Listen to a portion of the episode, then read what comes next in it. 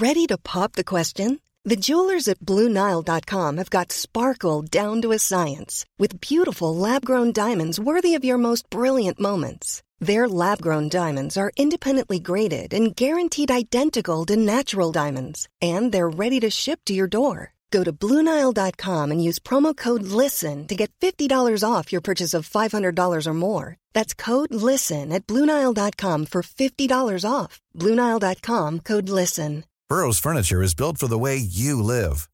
From ensuring easy assembly and disassembly to honoring highly requested new colors for their award winning seating, they always have their customers in mind. Their modular seating is made out of durable materials to last and grow with you. And with Burrow, you always get fast, free shipping. Get up to 60% off during Burrow's Memorial Day sale at burrow.com slash ACAST. That's burrow.com slash ACAST. burrow.com slash ACAST. Ryan Reynolds here from Mint Mobile. With the price of just about everything going up during inflation, we thought we'd bring our prices down. So to help us, we brought in a reverse auctioneer, which is apparently a thing. Mint Mobile unlimited premium wireless. Ready to get 30, 30, bit to get 30, bit to get 20, 20, 20, bit to get 20, 20, bit to get 15, 15, 15, 15 just 15 bucks a month. So, Give it a try at mintmobile.com slash switch.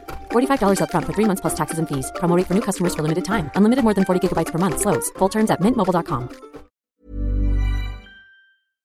Hej och hjärtligt välkomna till Teknikveckan. Denna sommarintervju. I år så blev det en intervju och den kom till för att jag har funderat på en grej.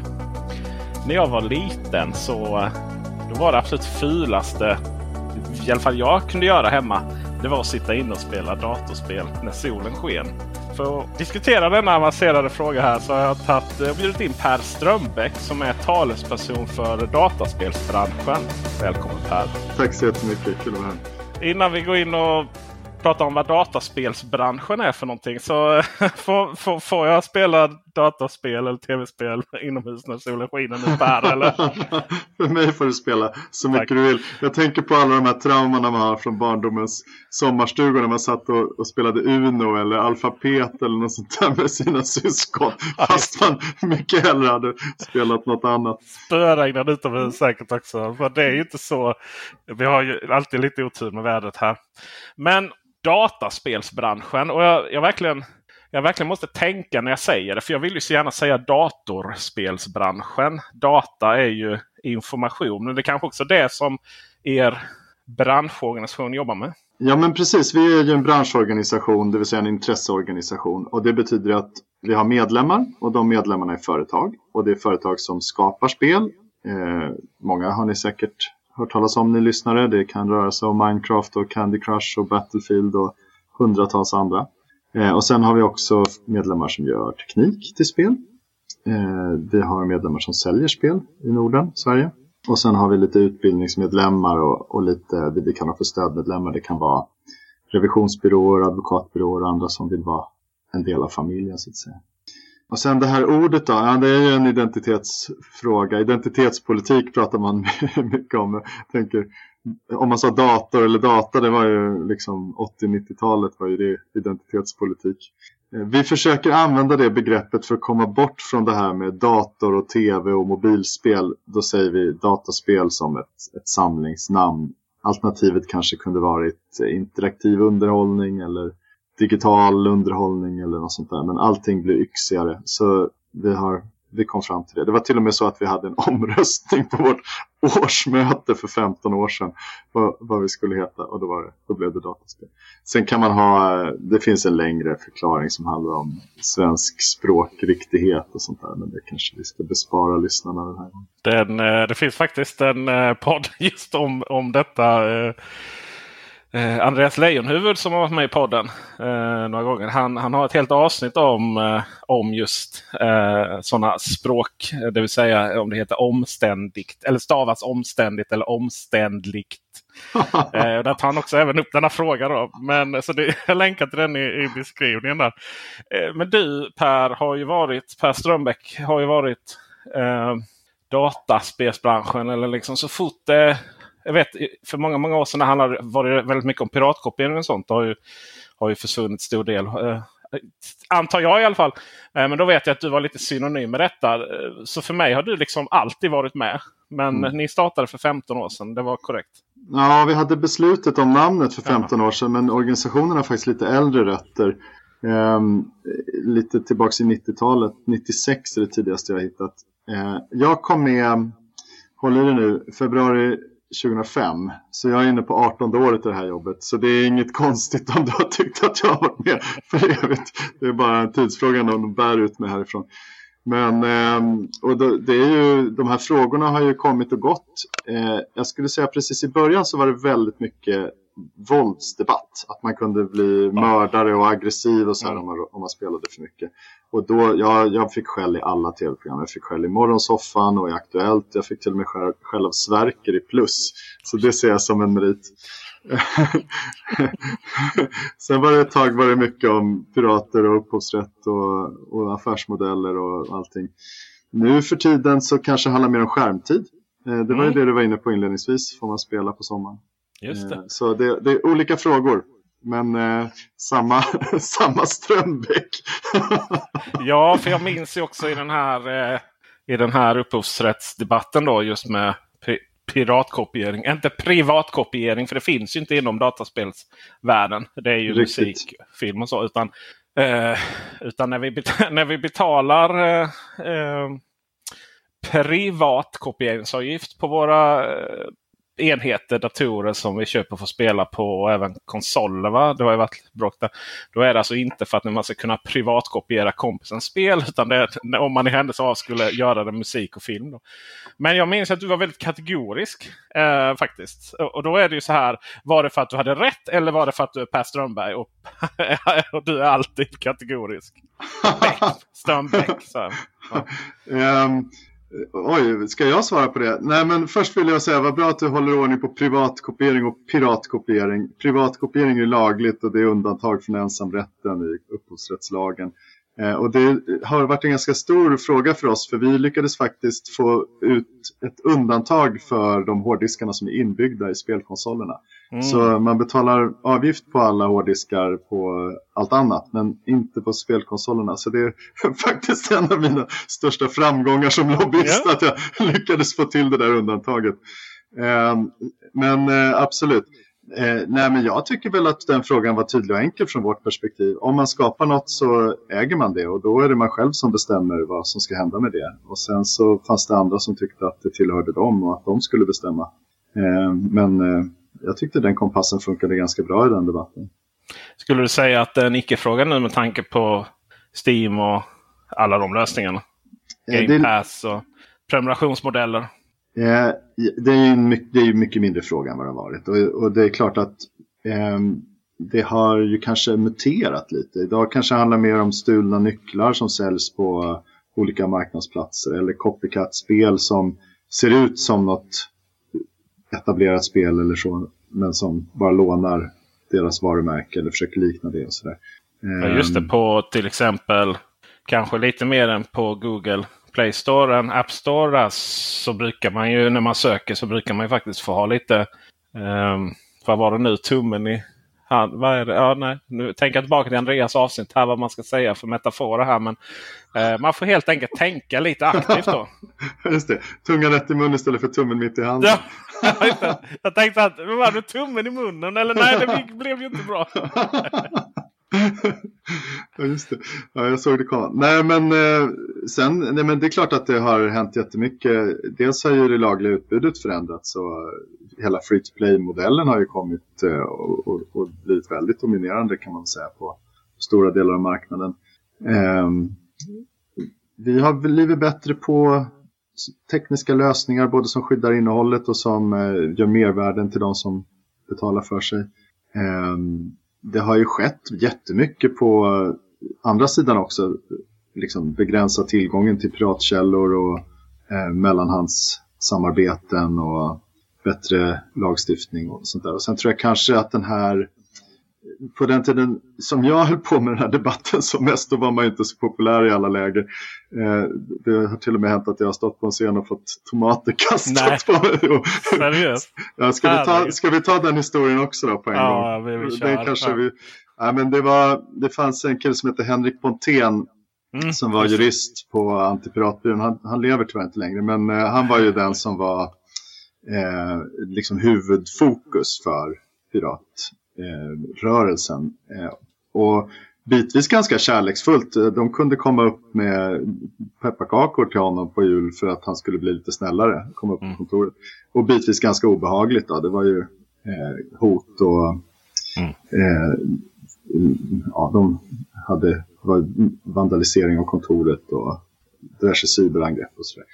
Men i alla fall, då var vi precis, om, ni, om vi går tillbaks till våren 2009, då hade vi haft en FRA-debatt. Eh, vi hade haft ett, en IPRED-debatt, det var ju en av de första EU-lagstiftningarna som skulle skydda upphovsrätten på nätet. Och sen var det då rättegången, den första rättegången mot grundarna av The Pirate Bay. Så det var väldigt mycket kring den här frågan. Och då åkte jag och Henrik eh, och en kille till ner till DreamHack i början på juni. Eh, och det var ju bara veckor efter att Piratpartiet hade valts till Europaparlamentet med 7,3 procent av, av rösterna från Sverige. Eh, och så skulle vi ha frågestund med deltagarna på DreamHack. Eh, och jag, jag tyckte det var kul. Jag kände mig ganska hemma där. Det var ju ändå liksom spelare. Det var ju min, min publik. Fast eh, vi hade olika syn då i, i den här frågan.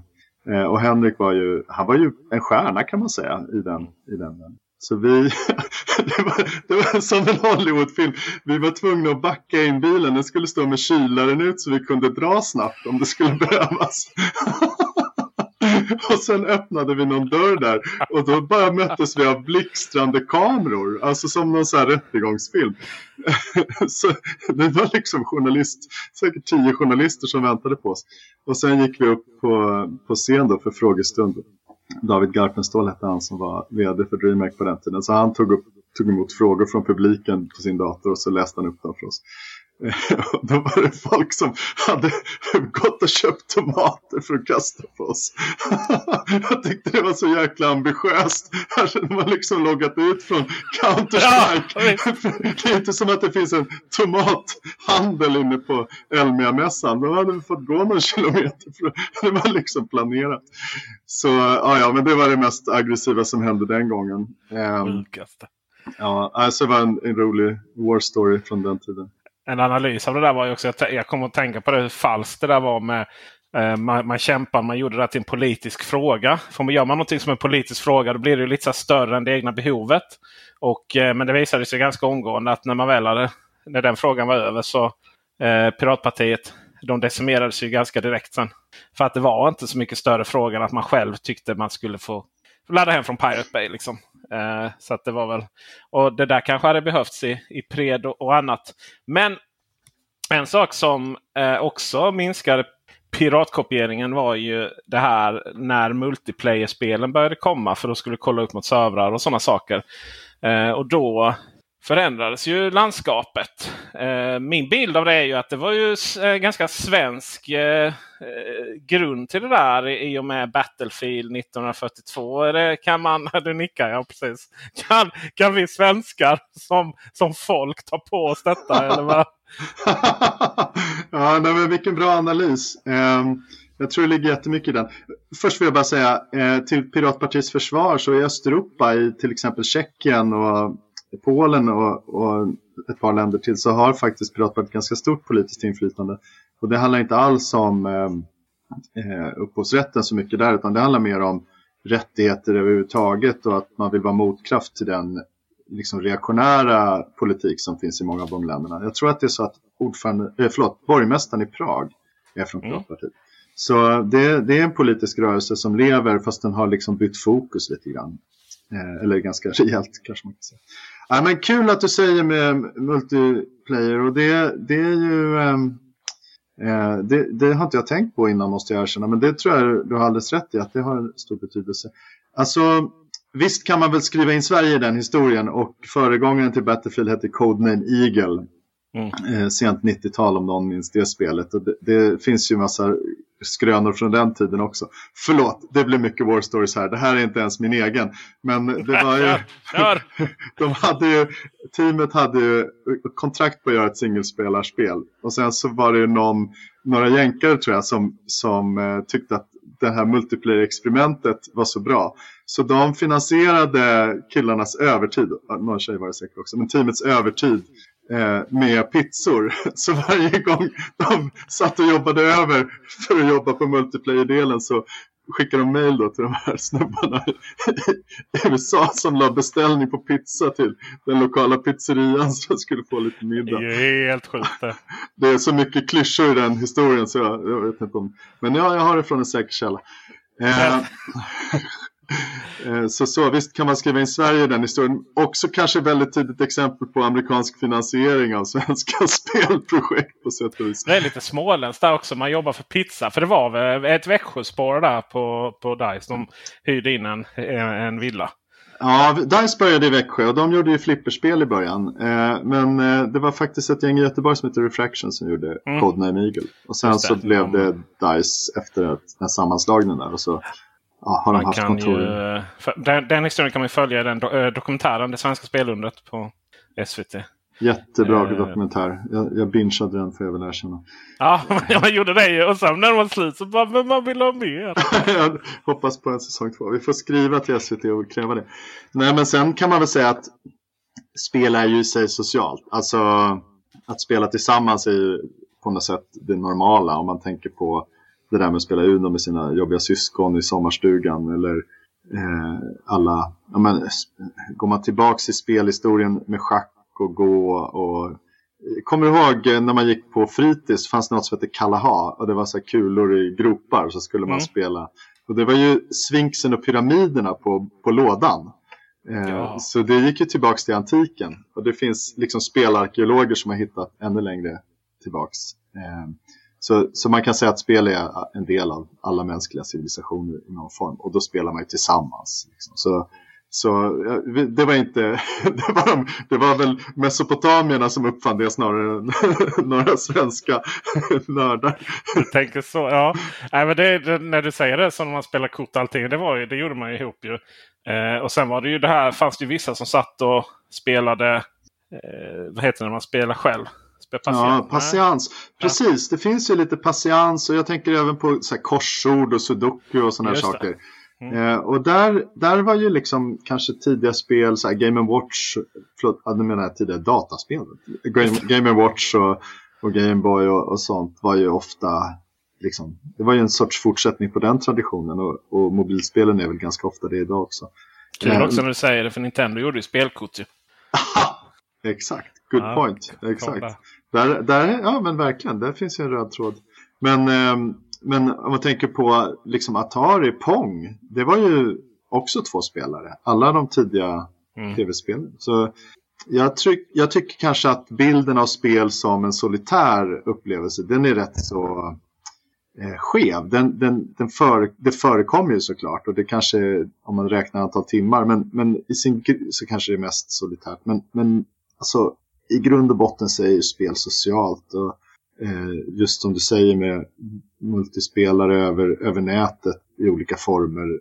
Eh, i, i, takt med att tekniken blir bättre nu med crossplay och sådär. Så uh, ja, om man får våga sig på en liten spaning så är det väl att, att spel blir mer och mer sociala. Eller mer och mer, kommer, den sociala dimensionen kommer tillbaks. Just det.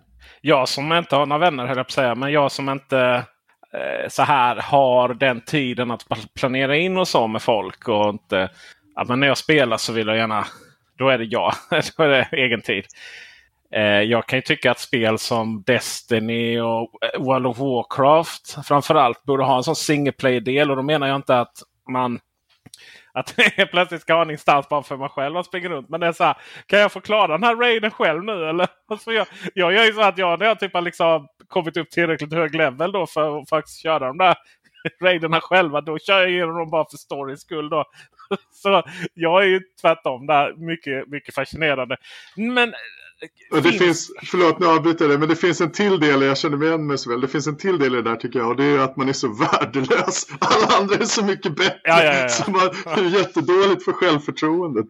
Det, det, finns, det finns en ironi i det här att, om man, att, att man jobbar med teknik och spel och du som talesperson för dataspelsbranschen, jag som recenserar och pratar mycket liksom om hur Xbox, ska man ha Xbox, ska man ha Playstation 5 och så vidare. Och så vidare man hinner ju inte själv sen sitta och njuta av sitt jobb.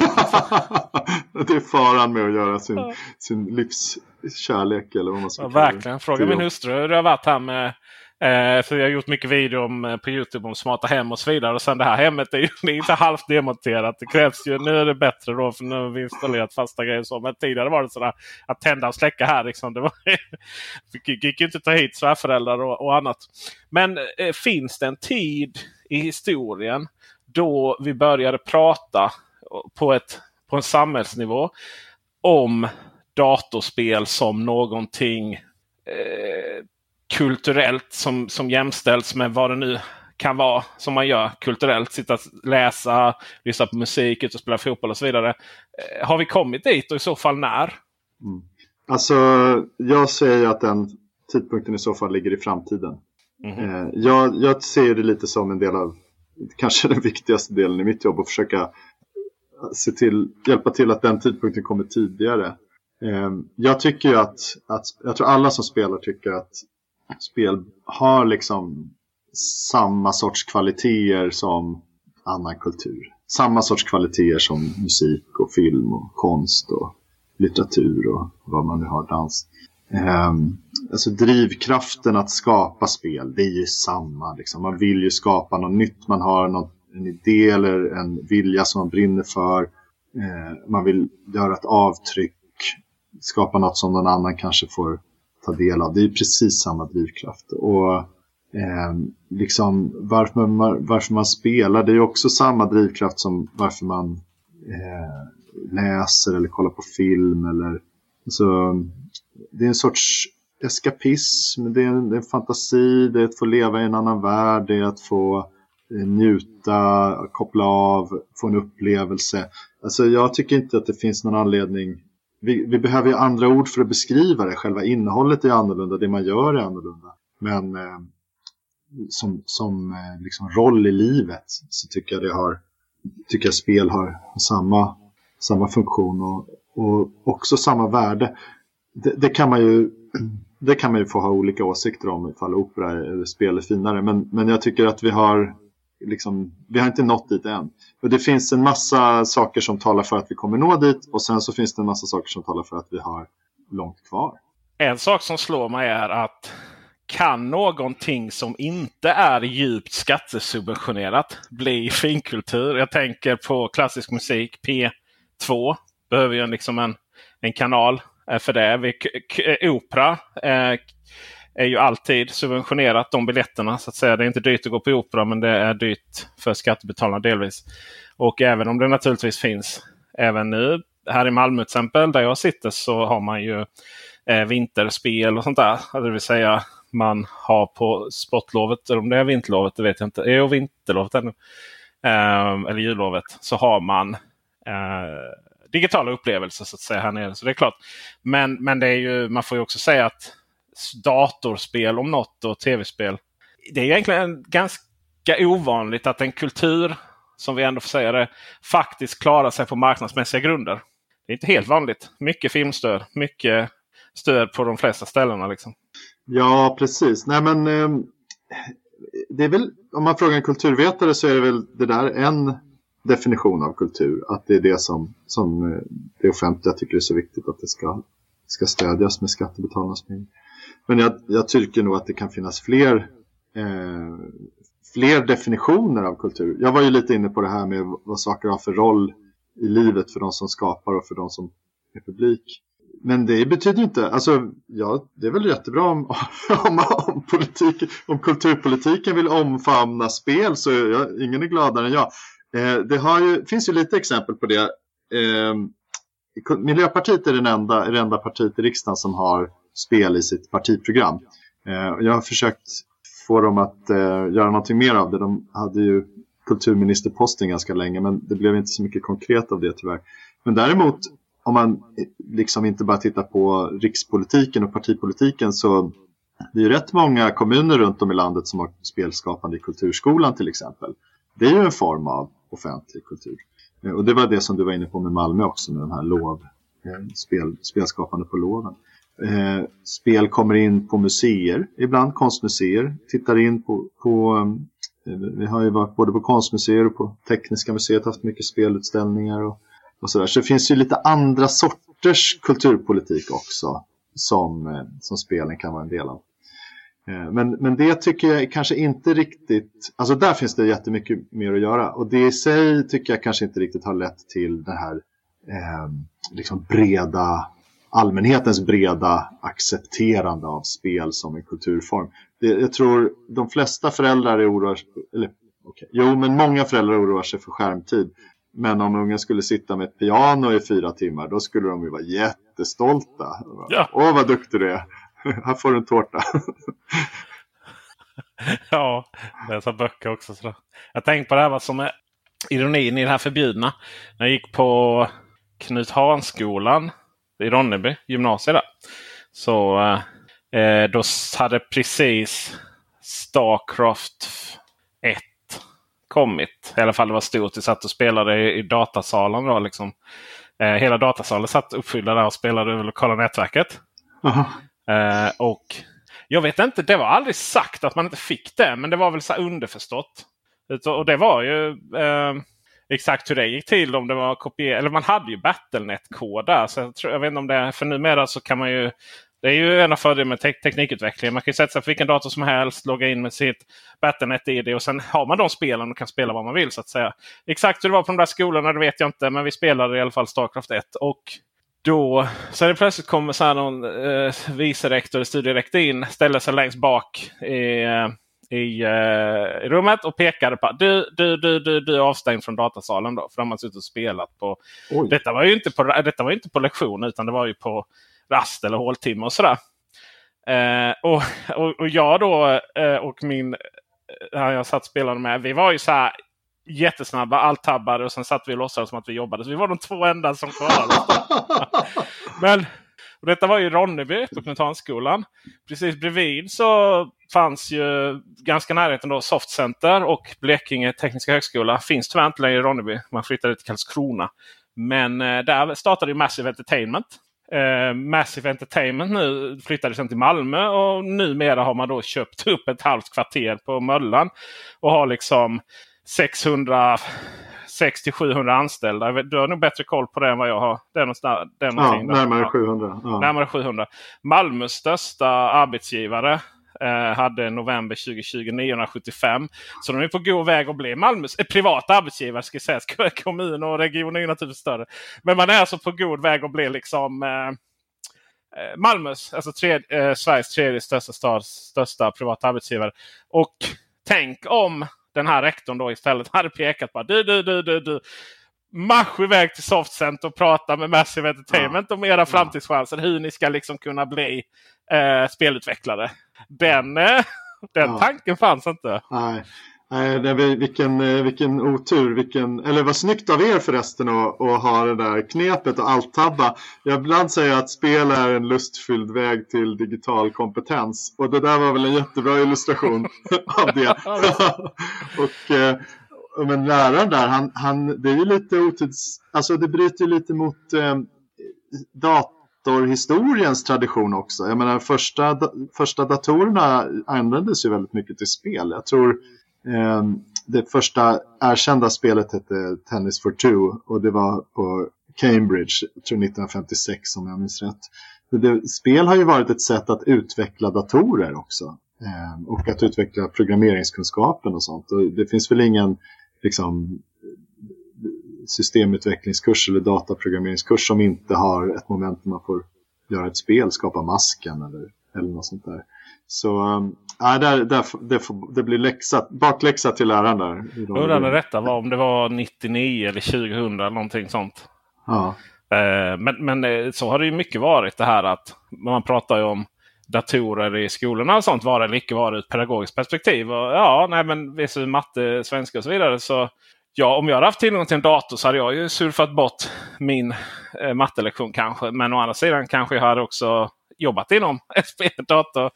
Det gör jag ju delvis nu med liksom rapportera om branschen och så vidare. Eh, men eh, det, där var ju det att det var ju något fel. Det var ju något fult så att säga. Men hur står det till med utbildningarna idag? För idag så finns det ju ändå. För när, när jag gick där i gymnasiet då fanns det ingen väg. Eh, detta är några år sedan. Jag är 40 precis nu. Eh, hur, hur, vad är man när man börjar i gymnasiet? 16? Eh, ja, 15, 16. Ja, något sånt. Ja. Så detta är ju trots allt några år sedan tillbaka. Då. Mm. För då pratade man inte om att man skulle gå till Skövde som är en sån här, eh, vet jag, eh, ta in mycket bra utbildningar. Stå bakom eh, för, folk som har gått där och startat företag som har sålt för en ansenlig mängd kronor på Steam. Nu senast där Vik, eh, Vikingaspelet. Va? Ja just det, Valheim. Ja precis. Mm. Eh, det kanske är den starkaste grenen apropå skattepengar så jag menar, somliga länder lägger ganska mycket skattepengar på locka till sig spelföretag. Men det gör vi inte i Sverige. Men däremot så har vi kanske några av världens bästa spelutbildningar. Eh, vi har faktiskt en sida som heter spelutbildningar.se för den som till äventyr skulle vara intresserad av att utbilda sig.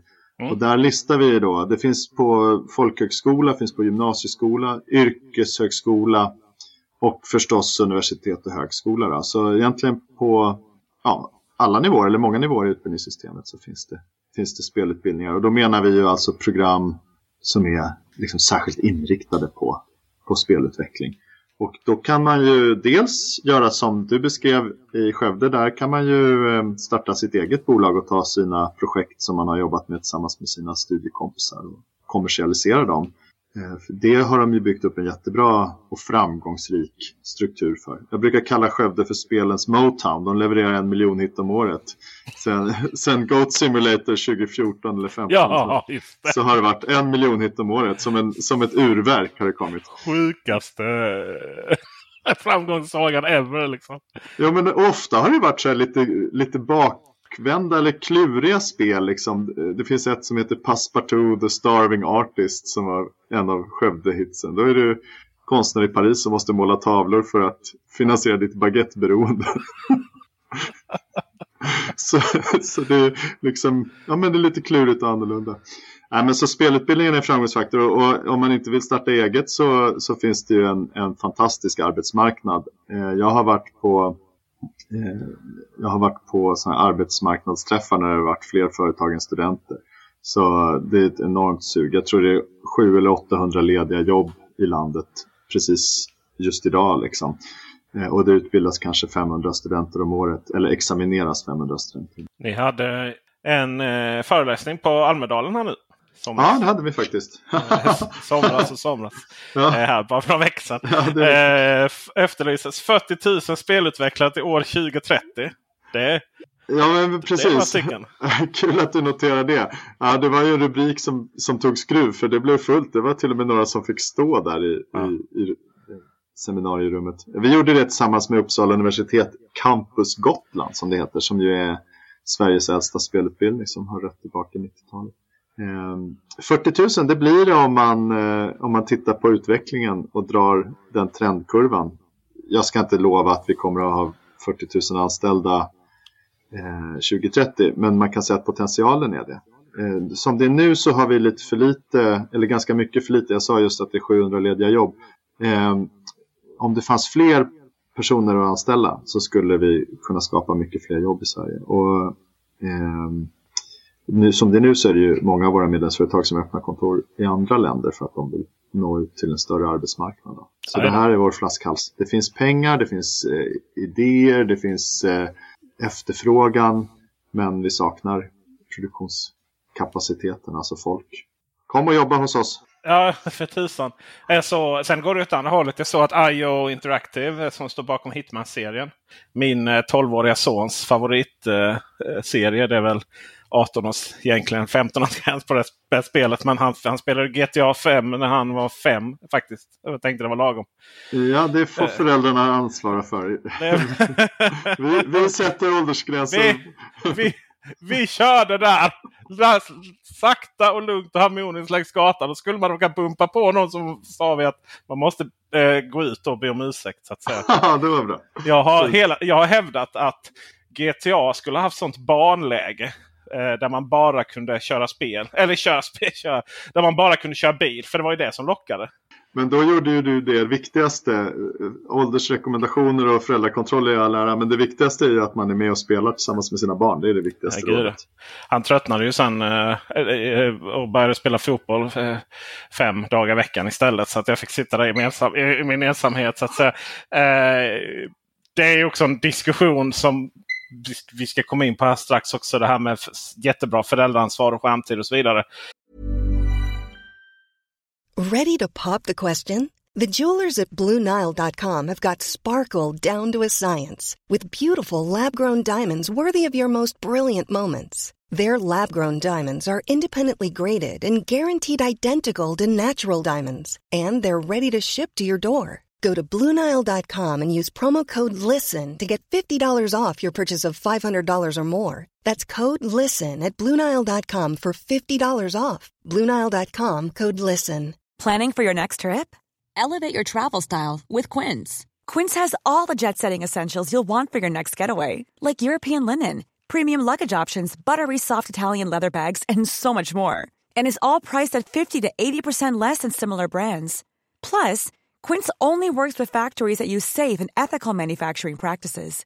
Pack your bags with high-quality essentials you'll be wearing for vacations to come with Quince. Go to quince.com slash pack for free shipping and 365-day returns. I'm Sandra, and I'm just the professional your small business was looking for. But you didn't hire me because you didn't use LinkedIn jobs. LinkedIn has professionals you can't find anywhere else, including those who aren't actively looking for a new job but might be open to the perfect role, like me. In a given month, over 70% of LinkedIn users don't visit other leading job sites. So if you're not looking on LinkedIn, you'll miss out on great candidates like Sandra. Start hiring professionals like a professional. Post your free job on linkedin.com/people today. Burrow is a furniture company known for timeless design and thoughtful construction and free shipping, and that extends to their outdoor collection. Their outdoor furniture is built to withstand the elements, featuring rust-proof stainless steel hardware, weather-ready teak, and quick-dry foam cushions. For Memorial Day, get 15% off your Burrow purchase at burrow.com/acast and up to 25% off outdoor. That's up to 25% off outdoor furniture at burrow.com/acast. Hey Dave, Yeah, Randy. since we founded Bombus, we've always said our socks, underwear, and t-shirts are super soft. Any new ideas? Maybe sublimely soft. Or disgustingly cozy? Wait, what? I got it. Bombus. Absurdly comfortable essentials for yourself And for those facing homelessness. because one purchased equals one donated. Wow, did we just write an ad? Yes. Bombas. Big comfort for everyone. Go to bombas.com slash ACAST and use code ACAST for 20% off your first purchase. Eh, för jag, jag har alltid haft helt fria tyglar med min, min son och han har, han har mest velat spotta och, och liksom alltid hantera och han, han stänger av datorn. Eller han säger till mig att jag ska gå och lägga mig. Jag vet inte vad som har tagit, tagit skruv där. Medan jag har en bekant som har haft så här jättehårda regler, skärmtid och så vidare. Eh, och den, den ungen är helt odräglig när det kommer till att acceptera vad föräldrarna sa. Men vi ska, vi ska inte gå dit ännu för jag vill, jag vill ändå komma i, eller fortsätta med eh, sp- spelbranschen som helhet i landet. Eh, jag ska säga att IO Interactive etablerar sig i Malmö då, eh, nu här. Eh, eller tror man växer i Malmö. Jag tror man har funnits här innan. Eh, men hur stor är liksom branschen? För att ett tag har man ju, man har ju tidigt velat prata om spelutveckling som en svensk basindustri. Ja, det är flera som använder det uttrycket och det är inte mig emot. Eh, vi, alltså om man säger siffror så den senaste statistiken som vi har, då var det 6 500 jobb. Eh, och i, lika många i svenska företag utomlands då, apropå det jag sa förut. Eh, men om man tittar på pengarna, då omsatte de svenska spelföretagen 37,4 miljarder kronor. Det var 2020. 37,4 miljarder. Det är en så här hopplös siffra, vad ska man relatera det till? Men om man jämför så det, det är lika mycket som eh, exporten av pappersmassa eller exporten av järnmalm. Eller exporten av lastbilar för den delen. Så eh, det, det är liksom på samma nivå som några av de här liksom, traditionella svenska tunga industrigrenarna. Eh, sen, eh, ja, det finns jättemycket att säga om det.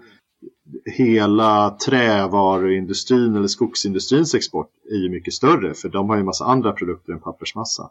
Eh, hela eh, liksom gruvnäringen, de, det är ju stål och, och sådär så det, det är ju också mycket större. Å andra sidan, jag menar vi har vuxit från en dryg miljard till 37 miljarder på ett decennium jag vet inte någon som kan visa någon liknande tillväxt. Och det allra bästa tycker jag är väl egentligen är att det här är ju eh, Alltså det är ju människor och idéer.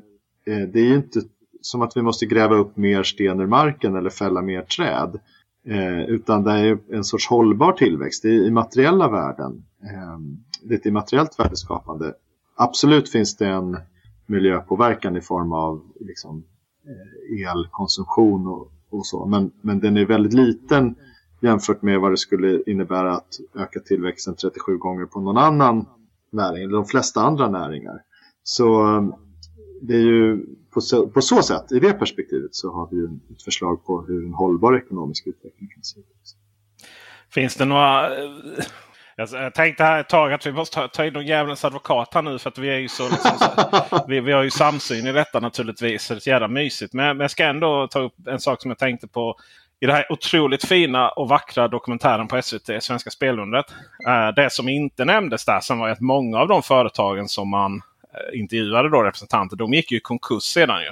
Och efter det sen, för inte så jättemånga år sedan, så hade vi också en, en våg. Men det var väl samma svär bolag som konkurs. Alltså, och det påminner lite om den tidigare reklam Eh, framförallt här i Malmö. Man sa det att Malmö är man specialist på att vara reklamare och man är sämst på att driva företag. Mm. Finns det en mognad nu på annat sätt? Eller är det så brand, en bransch fungerar? Det går bra ibland. Jag tänker det, det kanske räcker med att ett spel floppar och sen är det kört. Eller hur, hur är ekonomin? Eh, alltså är de ekonomiska mekanismerna i den här branschen?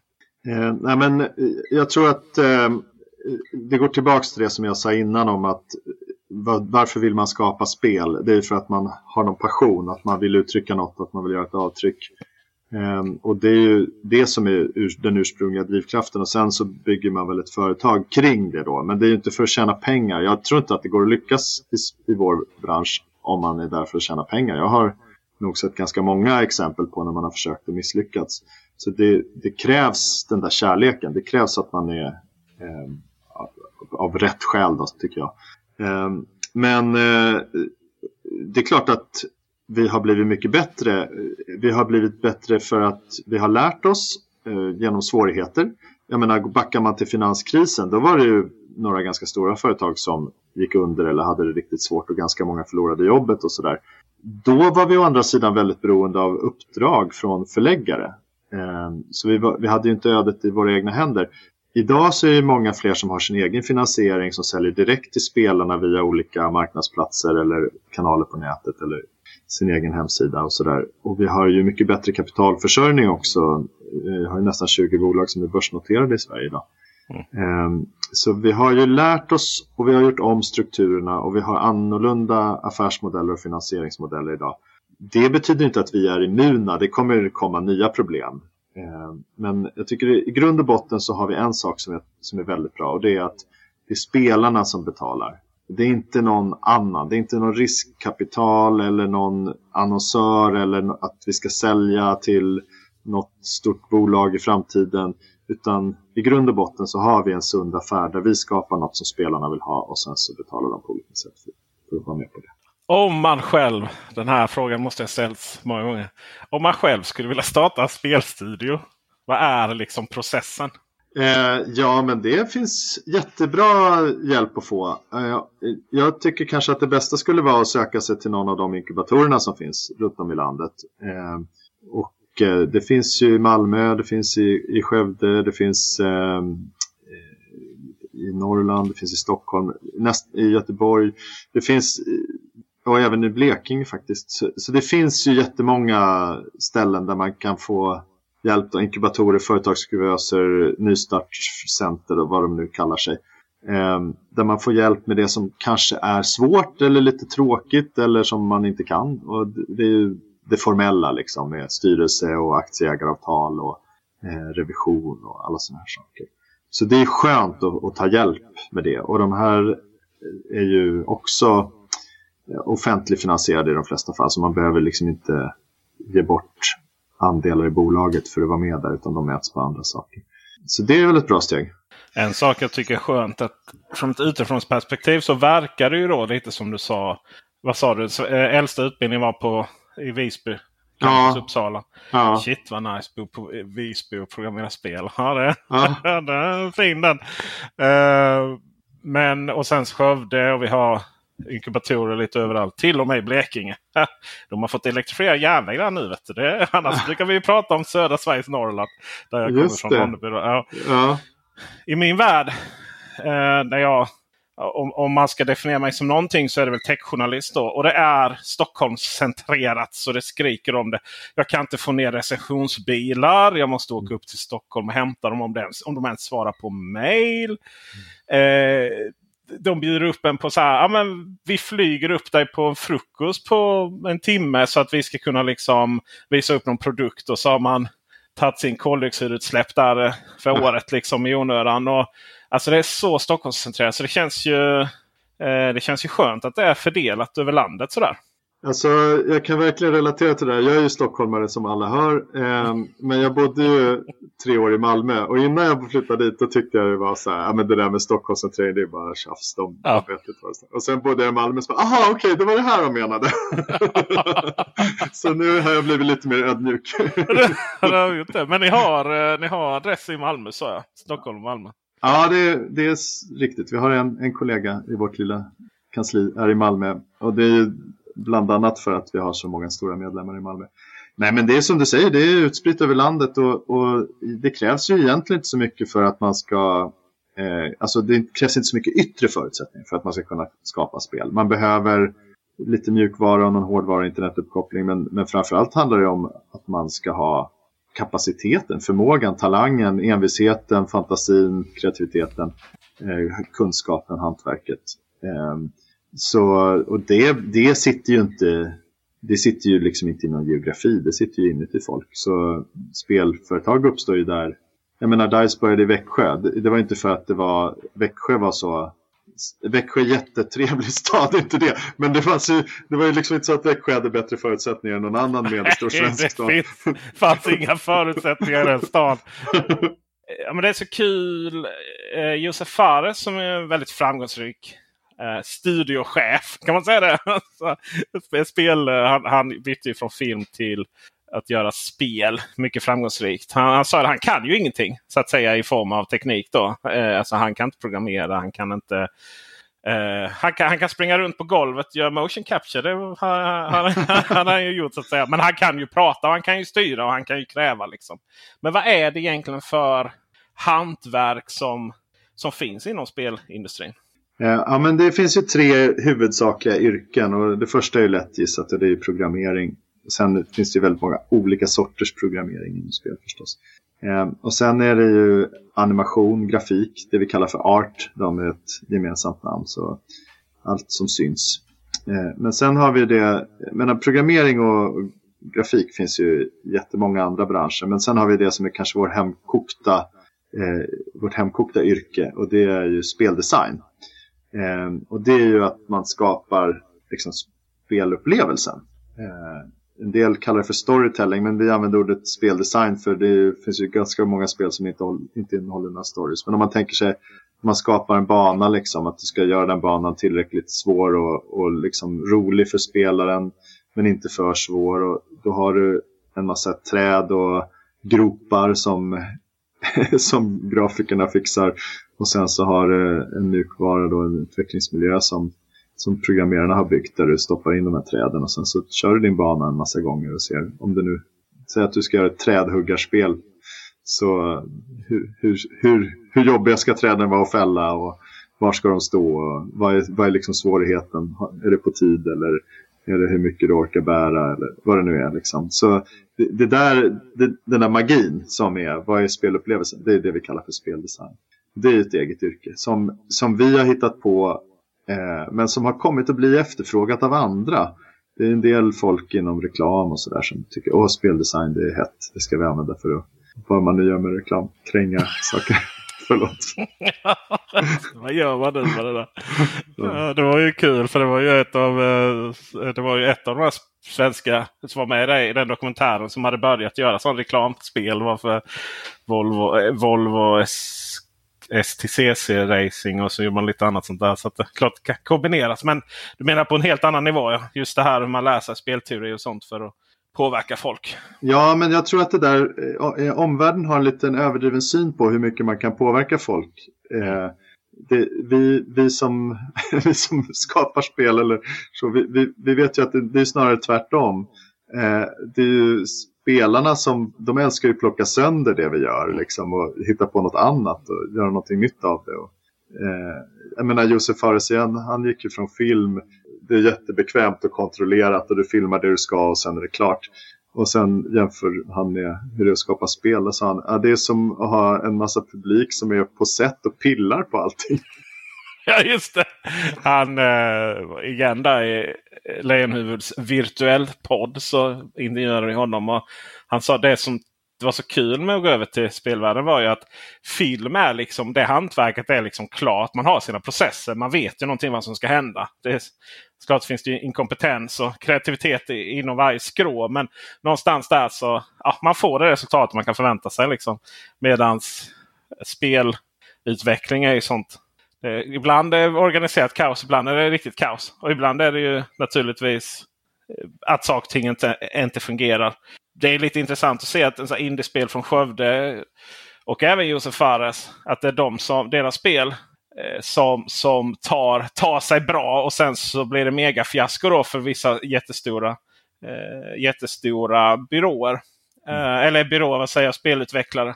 Varav eh, vissa sen tröttnar och åker tillbaka till Göteborg och startar spel, spelstudier eh, själv. Får vi se vad som händer där. Jag tänker på EA, gamla, e, gamla EA-chefen där som kommer från DICE. Mm. Men eh, föräldraansvaret då. Under hela, min, eller under hela min sons uppväxt så har jag ändå fått me medla mellan hans mamma och även min hustru. Då, så att säga det är samma person. Eh, och honom. Just för att det är mycket Fortnite där ett tag. Mm. Det var väl egentligen två saker. Eh, det ena var liksom att Ja, om man har liksom haft fyra träningar och två matcher på en vecka. Och sen sitter hela söndagen och spelar Fortnite. Då är det inget problem. Det är mm. rätt skönt att kunna. Mm. så att säga, då är man nog rätt slutkörd. Mm. Jag tror snarare problemet är att, att, att man har två spotter så att man är upptagen alla dagar i veckan utom en. Liksom. Eh, men men för, kanske framförallt förklara det här att man kan inte bara avbryta spel hur som helst. Att man måste liksom se, jag använder den här metaforen, att man är mitt i en match. Du skulle inte liksom ringa ut till träningen och eh, fotbollsträningen och plocka ungen i, i nackkragen för att det var mat. liksom. Eh, sen samtidigt så, och det fattar han väl delvis. Sen, sen, sen, samtidigt så kunde han ju utnyttja det lite genom att påbörja en ny match och sen säga men pappa säger att man får inte avbryta mitt i matchen. man får inte vara nu. Ja. Sen samtidigt så han ytterligare då bra att hålla tider då. Medan då som jag sa min, min kollega har varit väldigt hård med skärmtid och använder de här systemen. För men då har du två timmar per dag liksom och, så, och sådär. Och sen har det då blivit precis tvärtom. Lyssnar mm. inte alls och det är alltid konflikter och så vidare. Eh, och jag har ju mitt, kommer du väl hålla med mig här för det känns som att vi är ganska samsyn. Men jag har ju min syn på det där. Eller jag har ju min analys av det och det är ju att man kanske inte alltid riktigt bestämmer det där. Alltså att det är svårt att... Jag tänker att barnen är på ett visst sätt. Och det kanske inte... Det kanske finns ett visst föräldraansvar men, men, men det handlar både om miljö och Eh, miljö och eh, biologi så att säga. Så, hur pratar ni i branschen om just föräldraansvar och, och, och barn som aldrig vill sluta spela? Eller, och, sen plötsligt finns det barn som bara sköter det där själva. Liksom. Mm. Nej men visst, och det är ju ofta som att folk eh, vill att vi ska komma med en, en, en enkel lösning. Ja, men det, det, ska vara två timmar om dagen och, och sen ska den stängas av av sig självt och sådär. Men det är ju inte riktigt verklighetsnära liksom att tänka så utan alla är ju olika, precis som du säger. Alla barnen är olika, alla föräldrarna är olika, alla familjer är olika och därför så kan inte vi, det vore ju helt orimligt om företagen skulle ta över liksom, ansvaret för barnens fritid och uppfostran. Det tror jag ingen vill egentligen om man tänker efter. Utan, eh, vi, jag tror att vi har tre frågor som vi måste ta ansvar för. Det är innehållet i spelen, eh, det är tid och det är pengar. Eh, och innehållet i spelen, det är ju alla spel är inte gjorda för barn. Eh, och det är faktiskt lite av ett problem att det finns en bild av att spel kanske är mer leksaker. Och det är därför jag gärna jämför med film och böcker och sånt där. Du kanske inte skulle ge American Psycho till en 11-åring. Du får ge Harry Potter istället. Liksom. Eh, men då har vi åldersrekommendationssystemet PG. Eh, och, och, det finns ju på alla spel och all, all spelmarknadsföring. Så det är väl välkänt och, och, det är en vägledning till föräldrar. Det är inte så att vi kontrollerar och styr utan det är en vägledning till föräldrar. Eh, och sen när det gäller pengar, då är det ju att eh, eh, premiummodellen när man köper ett spel och sen är det klart, den är ganska mycket historia idag. Utan det är ju att man har ett spel som är tjänst och man betalar för saker i spelen eller man köper olika uppdateringar eller sådär. Eh, och där är samma sak. Vår roll är ju inte att säga så här mycket får det kosta eller så här mycket får ni köpa utan vi ger verktyg till föräldrar som man kan ställa in. Ja, men du har en tidsgräns på köp med kreditkortet. Barnet har inget eget kreditkort, det är en vuxens kreditkort. Det här är beloppsgränserna, man kan, ställa, man kan ställa in beloppsgränser och så. Ehm, och sen när det gäller tid då så eh, är det samma sak där att vi eh, har ju föräldrakontroller kring hur mycket tid man kan spela och man kan få uppdateringar på hur mycket barnet har spelat. Och så här. Men alla de här sakerna, man ska liksom inte tro att tekniken kan ersätta föräldern utan det här ska ju vara sätt eh, att underlätta för föräldern att vara närvarande och aktiv. Men det viktigaste är ju att man gör överenskommelser, att man har en dialog. Jag tyckte ditt exempel med GTA var jättebra, att ni spelade tillsammans. Liksom. Eh, och det är där man kommer in på det här när det är dags att sluta. Ja, det är mycket lättare att eh, föra det samtalet med barnet om man vet vad man pratar om, om man har en gemensam referensram, om man har visat intresse. Vi står ju som föräldrar och fryser på någon jäkla bandyplan eller i något ridhus i timmar och skjutsar och det är obekväma tider. Eh, då kan vi väl engagera oss lite när barnen spelar också. Ehm, och då, då slipper man komma och säga Sitter du där nu igen? Utan då kan man säga, Jaha, vad spelar du? Vem spelar du med? Vad är det som är kul med det här spelet? Får jag vara med och prova någon gång? Eh, nej, farsan, du kanske inte behöver vara med. Alltså det blir ett helt annat samtal. Så det tycker jag är det viktigaste. Det tycker jag är det viktigaste. Det finns ju två spel där när det kommer till umgås med barnen. Som jag tänker har gjort ett avstamp i historien. Eller ett avtramp. Tusan, nu blir Andreas Lejonhuvud går på mig igen. Eh, och det är ju det är ju faktiskt det spelet som jag tror initierade det här samtalet. Blizzards World of Warcraft. Där de skickade ut ett pressmeddelande och ville prata lite om hur, hur, hur, hur, fint det var att spela tillsammans. Så att säga. Och mycket riktigt så var det ju så att när World of Warcraft kom så var det ju det finns väl inget annat spel där familjer har suttit och spelat tillsammans. Där man har hittat någon att bilda familj med. Så att mm. säga små World of Warcraft-bebisar. Mm. Liksom. Mm. Och folk har lärt känna varandra över nationsgränser och åldersgränser. Och man har lärt sig hur man, hur man ska bete sig i grupp och till och med vissa ledegenskaper och sånt där. Eh, jag försökte spela lite World of Warcraft med min son men han eh, Äh, det var väl fel att börja med Classic då. Det gick lite för långsamt. Så. Äh, men, men jag går tillbaka till det ibland och, och, och kör lite tillsammans. Äh, lite så med, med kompisar. Och ibland lite själv och så vidare. Men sen tänker jag också på Pokémon Go. Som ju var något helt fantastiskt och kanske var väl familjer som sammansvetsades och pappor och var oftast pappor om man var ute. Men även en hel del mammor med sina barn sammansvetsade på ett sätt som man lärde känna dem. Och jag tänker så här, det är väl kanske de två exemplen som är bäst då. Frågan är om vi om någonsin kommer att få några sådana, någon sån masshysteri igen. Om man får använda den termen. När, när det var liksom någon rare Pokémon i någon park och så var det trafikstockning och folk vallfärdade. Liksom. Eh, det var ju väldigt fint den sommaren i alla fall. Eh, frågan är om vi det är svårt att säga in i framtiden. Men... Ja, nej men verkligen. Och det där är ju så bra bevis på det som vi pratade om innan, det, det sociala och eh, att, hur kul det är att, att spela tillsammans och att, att, spelen inte isolerar utan att spelen kan, kan skapa gemenskap. Eh, ja, nej, men det kommer väl komma andra. Det, det tror jag är nog djupt mänskligt att vi tycker om att göra samma saker som andra. Så det är klart att eh, det kan komma något, något nytt. Eller, eh, saker, alltså World of Warcraft är ju ett fenomen. Jag tror det är 20 år sedan nästa år va? Sedan mm. det lanserades. Eh, och att det fortfarande lever och att det liksom lockar nya generationer spelare och att det kan förnya sig.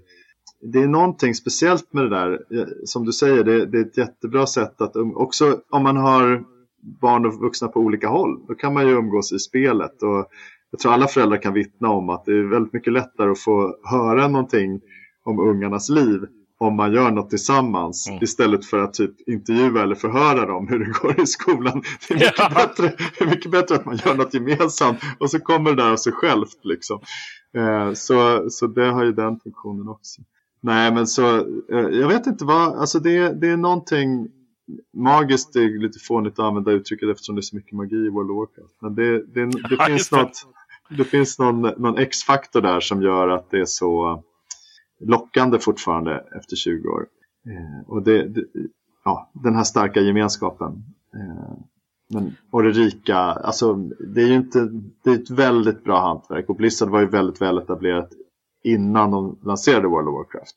Eh, det var inte det första multiplayer online-spelet med prenumeration. Eh, Everquest och sånt fanns ju innan och sånt. Men de hade ju så himla mycket bra att bygga vidare på från Warcraft och från Starcraft och de andra. Det hade de och det ska också bli spännande att se nu man har haft viss kritik inne eh, i spelbranschen som, som de har varit, eh, fått ta varit lite center av eller centrum av. Och eh, det har ju återspeglat sig i utvecklingen och nu känns det som att man på väg att göra en ny start när det kommer till den nya expansionen. Eh, mm. Så det ska bli spännande att se hur den, eh, hur, eh, hur den artar sig. Jag och min kompis Bulan eh, är inte hans riktiga namn. S.O. Bulan. Det låter lite som en sån här barnbok kanske.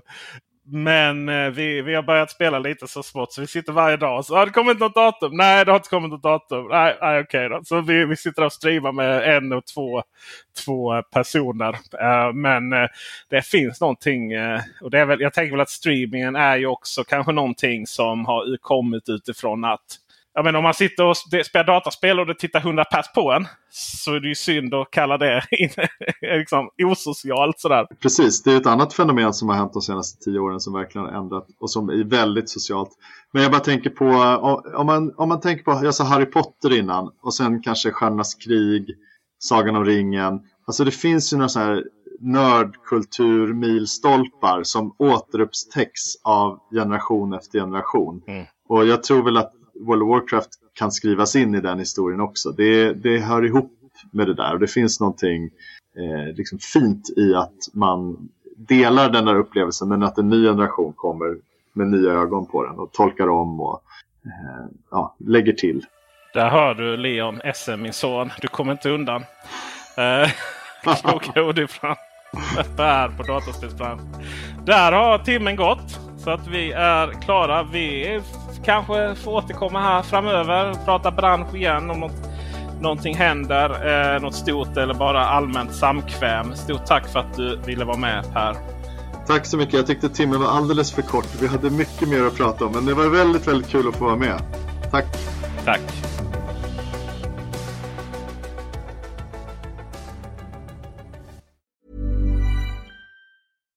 Hi, I'm Daniel, founder of Pretty Litter. Cats and cat owners deserve better than any old-fashioned litter. That's why I teamed up with scientists and veterinarians to create Pretty Litter. Its innovative crystal formula has superior odor control and weighs up to 80% less than clay litter.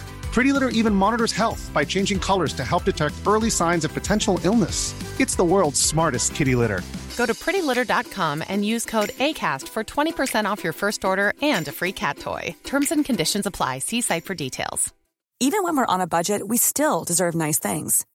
Quince is a place to scoop up stunning high-end goods for 50 to 80% less than similar brands. They have buttery soft cashmere sweaters starting at $50, luxurious Italian leather bags, and so much more. Plus, Quince only works with factories that use safe, ethical, and responsible manufacturing. Get the high-end goods you'll love without the high price tag with Quince. Go to quince.com/style for free shipping and 365-day returns. Support comes from ServiceNow, the AI platform for business transformation. You've heard the hype around AI. The truth is, AI is only as powerful as the platform it's built into. ServiceNow is the platform that puts AI to work for people across your business, removing friction and frustration for your employees, supercharging productivity for your developers, providing intelligent tools for your service agents to make customers happier. All built into a single platform you can use right now. That's why the world works with ServiceNow. Visit servicenow.com slash AI for people to learn more.